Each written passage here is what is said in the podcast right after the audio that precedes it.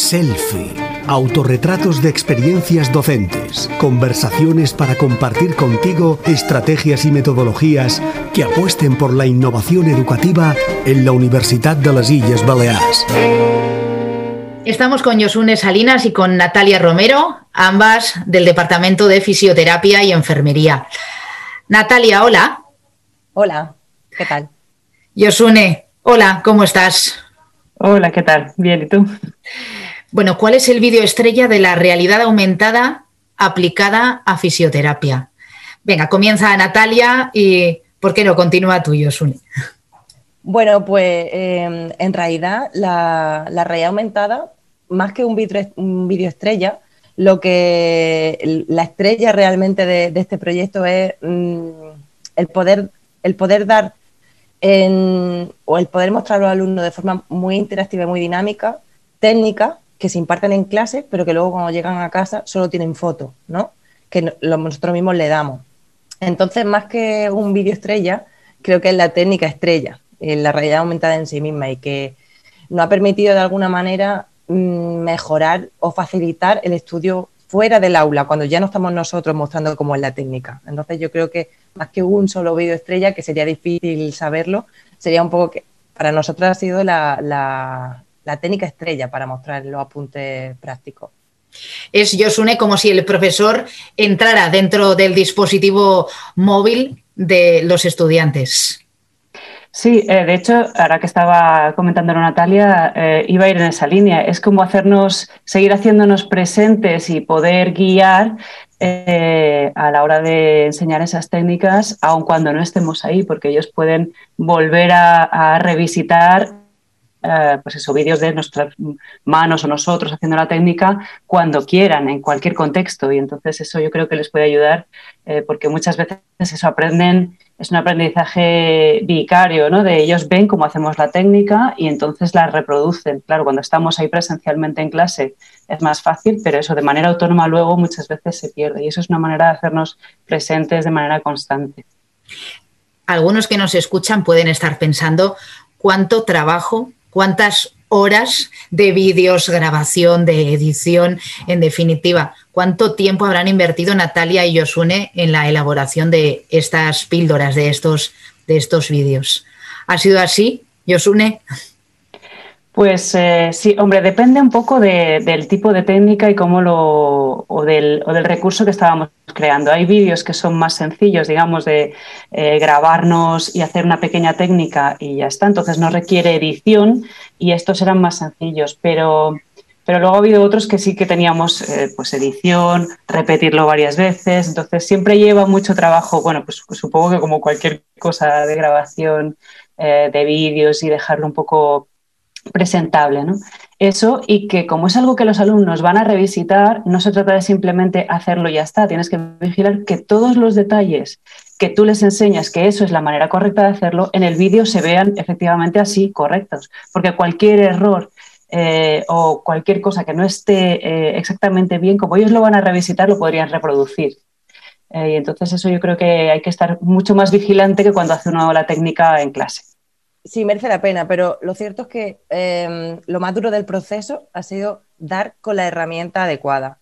Porque yo recuerdo hace dos veranos, eh, agosto, intentando buscar qué herramienta me podía posibilitar, o sea, me, podría hacer, dar a los alumnos algo así, ¿no? ¿Cómo podría yo hacerlo? Entonces, bueno, hubo de todo, ¿eh? Hubo de todo. Dimos con una herramienta, cuando ya por fin la teníamos, que ya no solo era la edición de vídeo, sino el construir todo aquello el meterlo en los apuntes, el hacerlo accesible a los alumnos, el que, por supuesto, fuese gratis.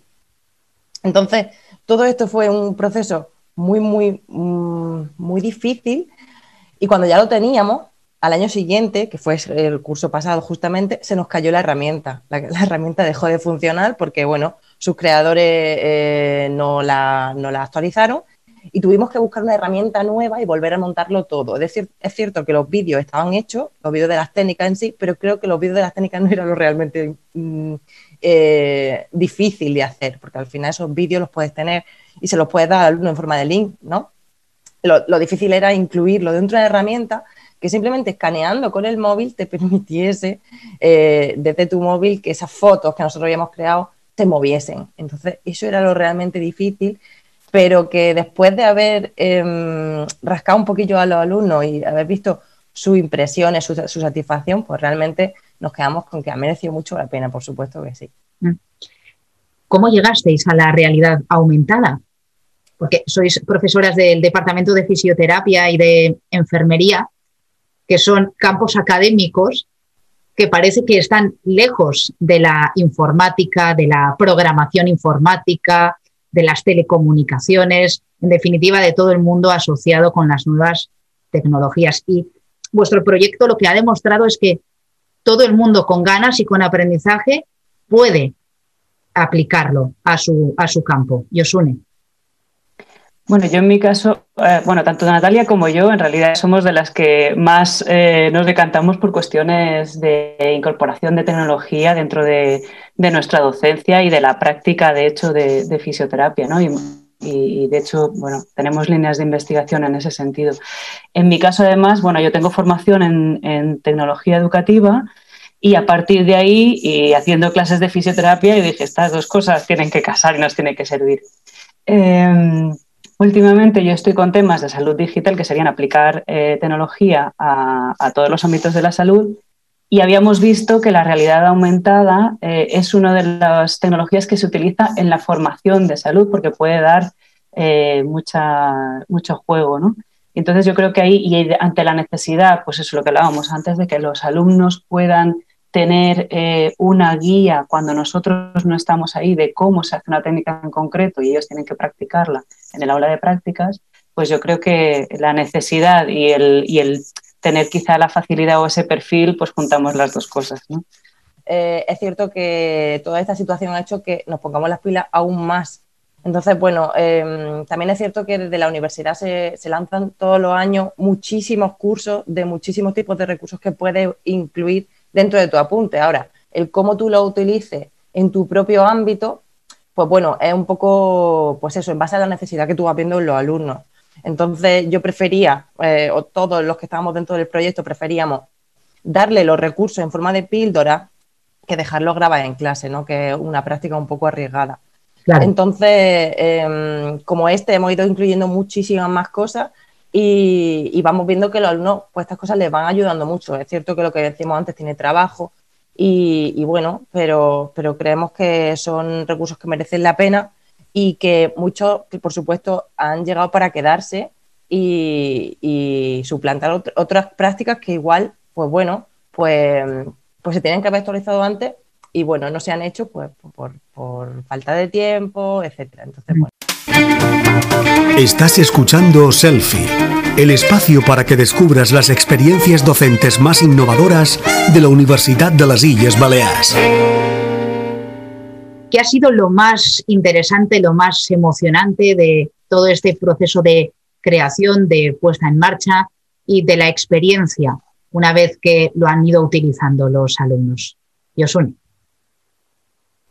Mm, bueno, yo te puedo decir eh, por, nuestra parte, porque en realidad la creación de, los recursos que yo hice en mi asignatura eh, va más ligada a, que los recursos de realidad aumentada estuvieran eh, vinculados al equipamiento y nos pilló el confinamiento. Entonces, en realidad, los, los recursos que yo creé se quedaron casi sin utilizar porque nos pilló el confinamiento y claro, ya no, no podían ir al aula de prácticas. ¿no? Entonces, en ese sentido, te podrá contestar más eh, Natalia.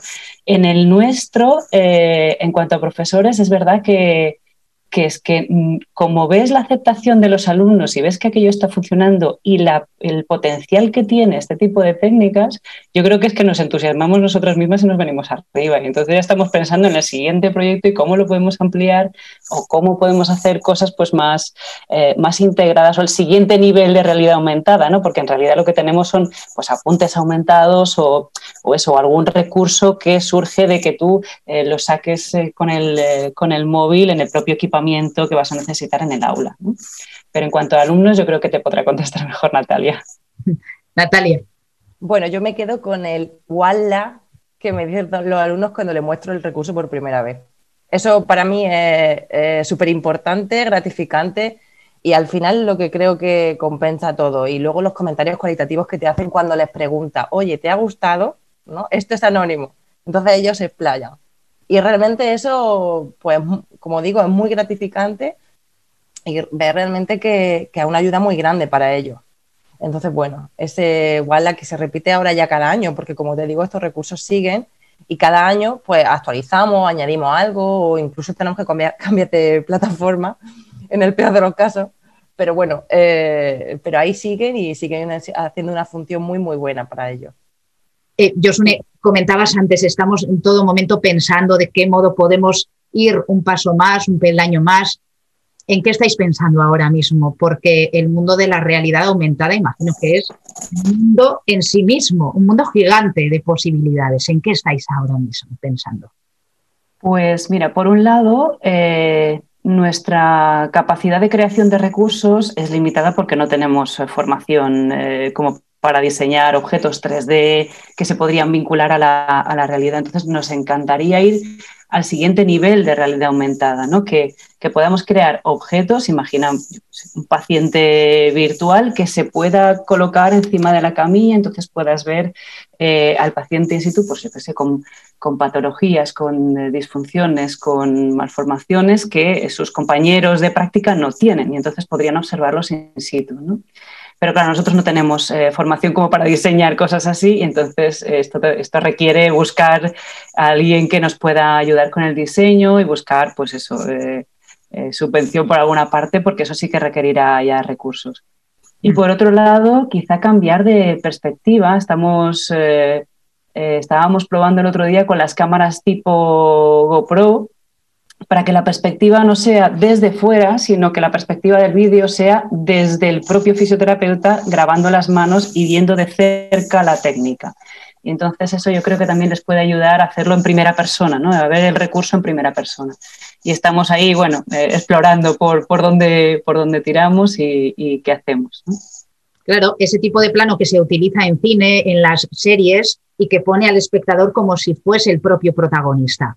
Exacto. O en los videojuegos que se utiliza mucho, esto es en primera persona, pues sería algo así, pero viendo la técnica. Porque normalmente nos ven en clase, nos ven desde fuera, pero verlo, poder verlo desde dentro, que es lo que nos permite la cámara y la grabación en esta perspectiva, yo creo que puede ser muy interesante para ellos. Nosotras es cierto que, mm, estamos innovando un poquito, pero es cierto que no somos pioneras en esto y hay muchísimos proyectos de innovación docente y ya con mucho más presupuesto económico, ¿no? que tienen gafas como por ejemplo la HoloLens, que, básicamente lo que hacen es incluir dentro de la visión de todos los que tienen las gafas, pues un holograma, que en este caso podría ser ese paciente, o las diferentes capas musculares, eh, esqueleto, etcétera, y que lo fuesen viendo, que hoy en día sí que se usa en muchos ámbitos sanitarios, ¿no?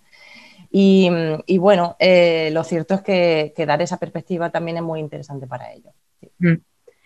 De modo que esta es una pregunta que estoy repitiendo prácticamente a todos vuestros compañeros, este método se ha visto que es perfecto para los tiempos de la enseñanza plenamente online, algo a lo que nos obligó el confinamiento.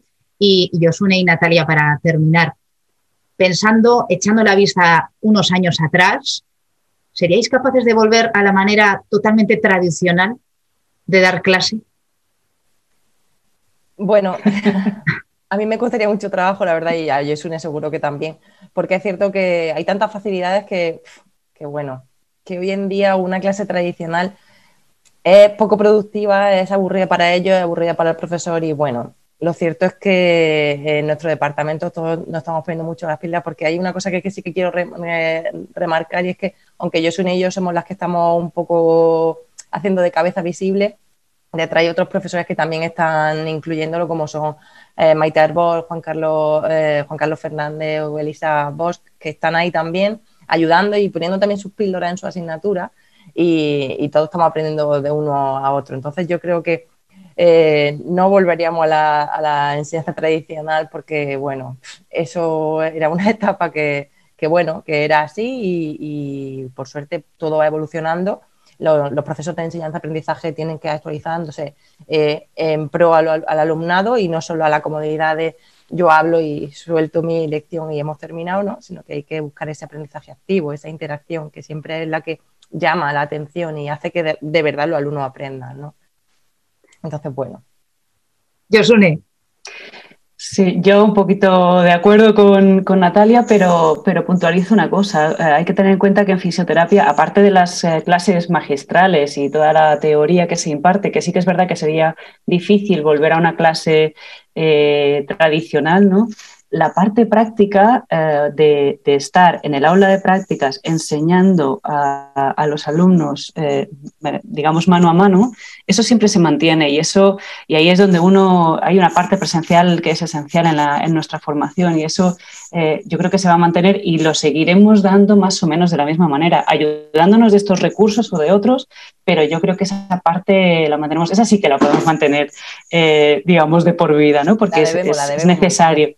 Claro, y, ese contacto con, los alumnos, es enseñarles la técnica eh, uno al lado del otro a pie de camilla, esto lo vamos a tener y eso yo creo que sí que lo mantendremos. La tecnología está para acompañar, no para sustituir al factor humano, a la presencialidad, que es lo que en definitiva marca la diferencia, no solo en la educación, sino en prácticamente todos los aspectos de la vida. Pues Natalia Romero y Osune Salinas, muchísimas gracias a las dos y enhorabuena por este trabajo fantástico que lleváis a cabo. Gracias. Gracias a ti. Has escuchado Selfie, el espacio para que descubras las experiencias docentes más innovadoras de la Universidad de las Islas Baleares.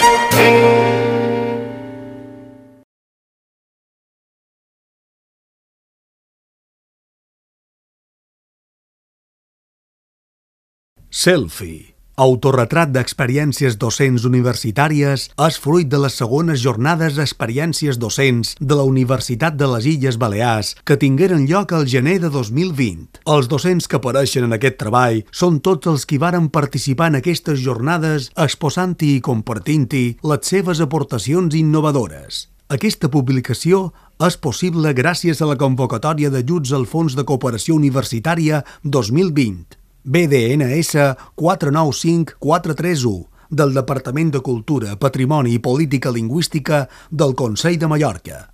L'edició 2020 d'aquesta publicació és un llibre interactiu que ha estat coordinat pel doctor Antonio Fernández Coca, escrit per la periodista Maitane Moreno, maquetat pel dissenyador Miquel Oleaga i que inclou les fotografies fetes per Josep Taltabull.